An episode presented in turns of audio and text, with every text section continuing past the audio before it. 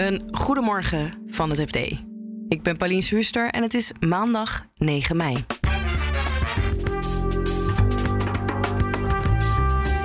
Het Amsterdamse stroomnet is overvol. En dan komt er ook nog een enorm datacentrum bij.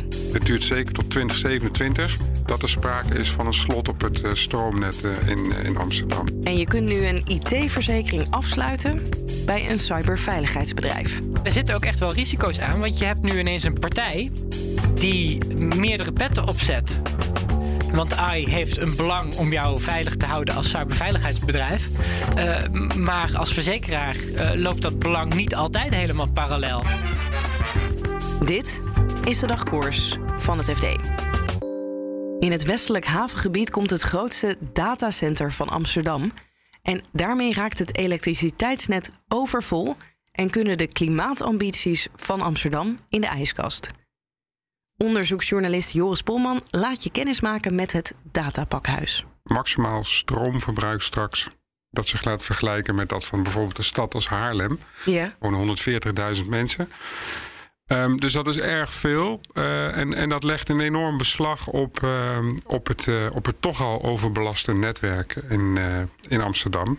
Het is wel um, zo dat het natuurlijk iets is wat een soort van. Je moet het eigenlijk zien als een soort druppel in een emmer die toch al op overloop stond. Ja. want um, ja, er spelen meer dingen. Het grotere plaatje is ook dat Amsterdam snel groeit. Er komen uh, veel uh, uh, nieuwe mensen hier wonen. Er komen, er komen veel bedrijven bij. We rijden toch langzamerhand steeds meer elektrisch. Steeds meer zonnepanelen. Bedrijven zijn steeds meer bezig met het, nou ja, het vergroenen van hun, van hun bedrijven. En, en wat kan er nou concreet dus niet meer nu dat datacentrum komt? Amsterdam heeft een aantal belangrijke prioriteiten.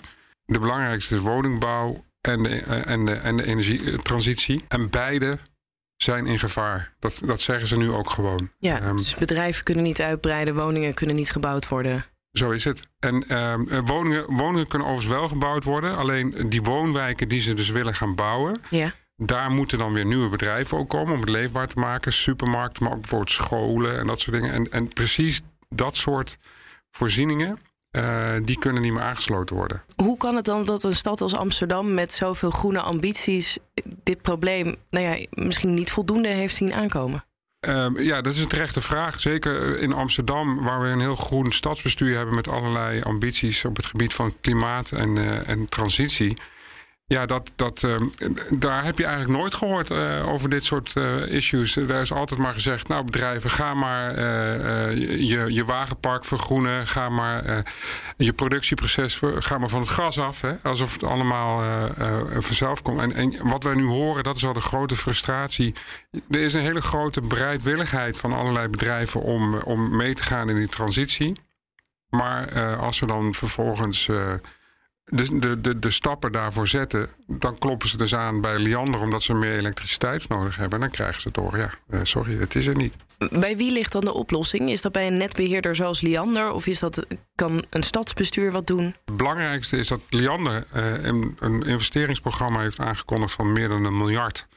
Die gaan dus het stroomnetwerk verzwaren. Ja. Dat, dat, is, dat is essentieel dat dat gebeurt. Alleen dat duurt, duurt even. tot 2035 voordat ze daarmee klaar zijn. En het duurt zeker tot 2027 dat er sprake is van een slot op het uh, stroomnet uh, in, uh, in Amsterdam. Dus dat is, dat is, dat is de, de lange termijn een zeer kostbare oplossing. Het tweede wat ze doen is ze gaan bij alle bedrijven langs, of bij heel veel bedrijven langs, om te praten over hun stroomgebruik. En dan gaan ze kijken van zitten er pieken en dalen in dat gebruik? Zitten, is er soms sprake van een overschot? Hè? Want die bedrijven die spreken een bepaalde hoeveelheid af dat ze inkopen, maar ze gebruiken het misschien niet altijd. En je kan niet als stad zeggen: oké, okay, uh, we vinden het heel belangrijk dat er scholen komen in die woonwijk, dus die krijgen wel stroom, maar dit bedrijf daar niet. Dat is het derde aspect. Amsterdam is wel begonnen, en dan bedoel ik de gemeente.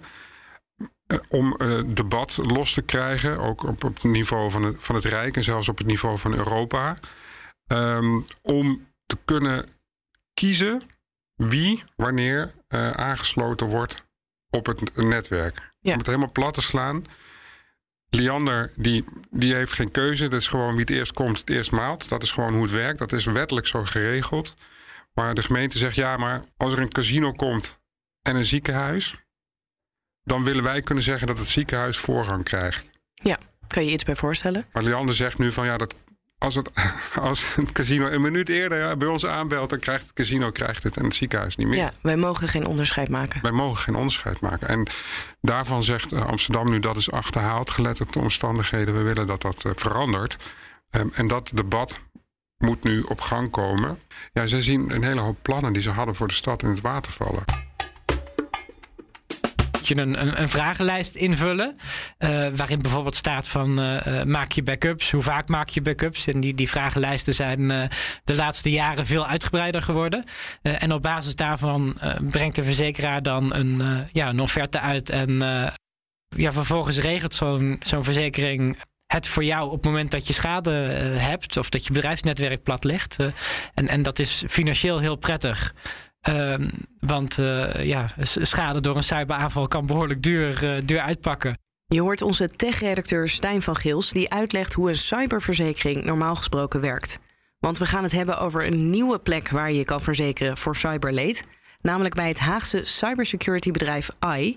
De start-up is het eerste bedrijf in Europa dat deze twee diensten allebei aanbiedt. Die werken ook met normale verzekeraars. Ja, als oplosser. Als oplosser op het moment dat er echt wat aan de hand is. En, en ja, zo zijn er wel meer gerenommeerde partijen die dat, uh, die dat netjes voor je kunnen doen. Maar wat, wat vooral het voordeel is, zegt AI, uh, op het moment dat je het direct bij AI afsluit, uh, is dat, dat je heel die ingewikkelde vragenlijsten niet hebt. En dat het ook een stuk goedkoper kan. Want je hebt een partij die live met jouw netwerk meekijkt. en daadwerkelijk ziet wat er aan de hand is. en op basis daarvan ja, veel beter de risico's kan inschatten en, en daarmee ook een lagere premie kan geven. Uh, en misschien ook een bedrijf wat uh, ja, het niet voor elkaar krijgt om een verzekering te krijgen bij uh, een traditionele partij, toch kan verzekeren om, om, ja, omdat zij met hun scans kunnen zien dat het daar wel goed zit. Of dat zij de juiste beveiligingsmaatregelen kunnen nemen. Voor mensen is het misschien een beetje abstract omdat het over cyberveiligheid krijgt. Maar als we het nou zouden vergelijken met bijvoorbeeld een auto. Wat voor partij zou AI dan zijn als mijn verzekeraar die ook meekijkt? Ja, je, je, je zou het in de auto kunnen vergelijken met uh, de, de ANWB, bijvoorbeeld de verzekering, uh, waarbij een kastje in je auto geplaatst wordt die continu kijkt hoe hard dat je rijdt en hoe, hoe, dat je je bochten neemt of dat je op tijd remt en dat soort dingen. En, en daar jou ook feedback over kan, kan geven. Ja, ja daar, daar kun je het op in die zin redelijk mee vergelijken. En is dat dan ook nog, zien ze in de cybersecurity wereld daar dan ook risico's aan of is het gewoon heel handig? De cybersecurity-wereld ziet dit wel als een leuke, uh, ja, een leuke innovatie. Mm uh, het, het, punt met de traditionele verzekering uh, is dat, dat die de afgelopen tijd heel veel duurder zijn geworden. en ook dat het voor verzekeraars in de praktijk heel vaak niet rendabel gebleken is. Yeah. ja, die wilden aanvankelijk heel veel marktaandeel winnen. Maar ja, de, de, de kans dat het daadwerkelijk bij een bedrijf iets gebeurt is er ook wel groot. Dus dat, ja, dat maakt dat in ieder geval de premies heel hard naar, ja, omhoog gegaan zijn. dus dus wat dat betreft is het een mooie oplossing. Maar er zitten ook echt wel risico's aan. Want je hebt nu ineens een partij uh, die uh, meerdere petten opzet. Want AI heeft een belang om jou veilig te houden als cyberveiligheidsbedrijf. Uh, maar als verzekeraar uh, loopt dat belang niet altijd helemaal parallel. En uh, misschien is een goed voorbeeld. We hebben eind vorig jaar Log4j gehad. Ja. dat is een, um, een groot beveiligingslek waar toen op dat moment nog niet heel duidelijk een oplossing voor was. en sommige bedrijven hebben toen besloten om gewoon systemen maar uit te zetten. Uh, om, om toch veilig te blijven. Uh, en anderen hebben gedacht van ja, dat risico is misschien ook niet heel groot. En het, het risico is tegelijkertijd heel groot uh, op het moment dat je wel alles uitzet. De, dus we gaan nu toch maar door. Ja, want voor de business het uitzetten is ook een impact. Ja, dat, het is, het is, soms kiezen tussen twee kwaden. Ja. ja, en op het moment dat jouw verzekeraar en, en het beveiligingsbedrijf wat jou adviseert over wat je kunt doen.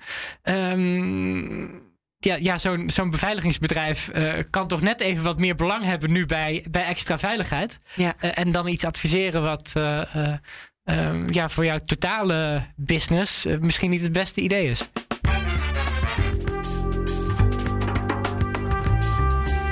Dit was de dagkoers van het FD. Op fd.nl vind je de verhalen van Joris over het overvolle stroomnet en van Stijn over de cyberverzekering. En wil je meer van Joris en Stijn horen? Zoek dan ook even onze podcastserie Achter gesloten deuren op. Daarin vertellen zij namelijk het verhaal van de Twentse ondernemer Gerard Sandrink. En als je dan toch in je favoriete podcast-app zit, zoek dan ook even dagkoers op en klik op abonneren. Dan staan we morgenochtend automatisch weer voor je klaar. Een hele fijne dag en tot morgen.